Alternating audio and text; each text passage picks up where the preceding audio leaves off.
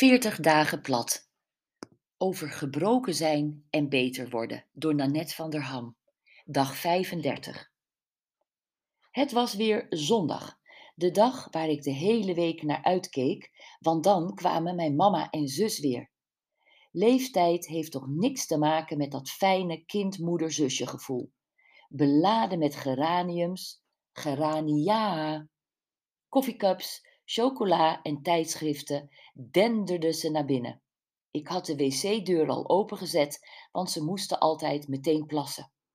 Daarna gingen de jassen uit en werd er uitgebreid gezoend en gehukt. Hoe is het? zong mijn moeder zoals altijd. Goed, zong ik standaard terug. Vervolgens bespraken we met z'n drieën tot in uiterst detail, drie cijfers achter de komma, eigenlijk alles. Het verkeer op de weg, de bomen in bloei, de kaarten die ik had gekregen, de bloemen op tafel, Utopia, RTL Boulevard, André Hazes junior, mijn wel en wee, mijn zus haar wel en wee, mama's wel en wee. Eigenlijk had zij nog de meeste wel en de minste wee van ons alle drie. Wat een zegen om er, als je in de zeventig bent, zo bij te zitten. Het was heus niet alleen mazzel, misschien wel helemaal geen mazzel. Net als ik hadden mijn moeder en ook mijn zus een neus voor klein, simpel geluk.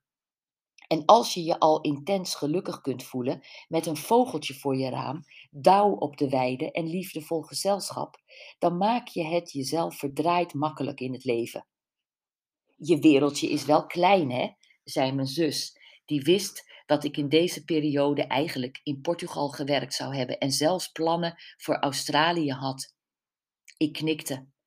Maar het bevalt me wel, zuchtte ik tevreden achterover geleund in Gees reclinable televisiestoel.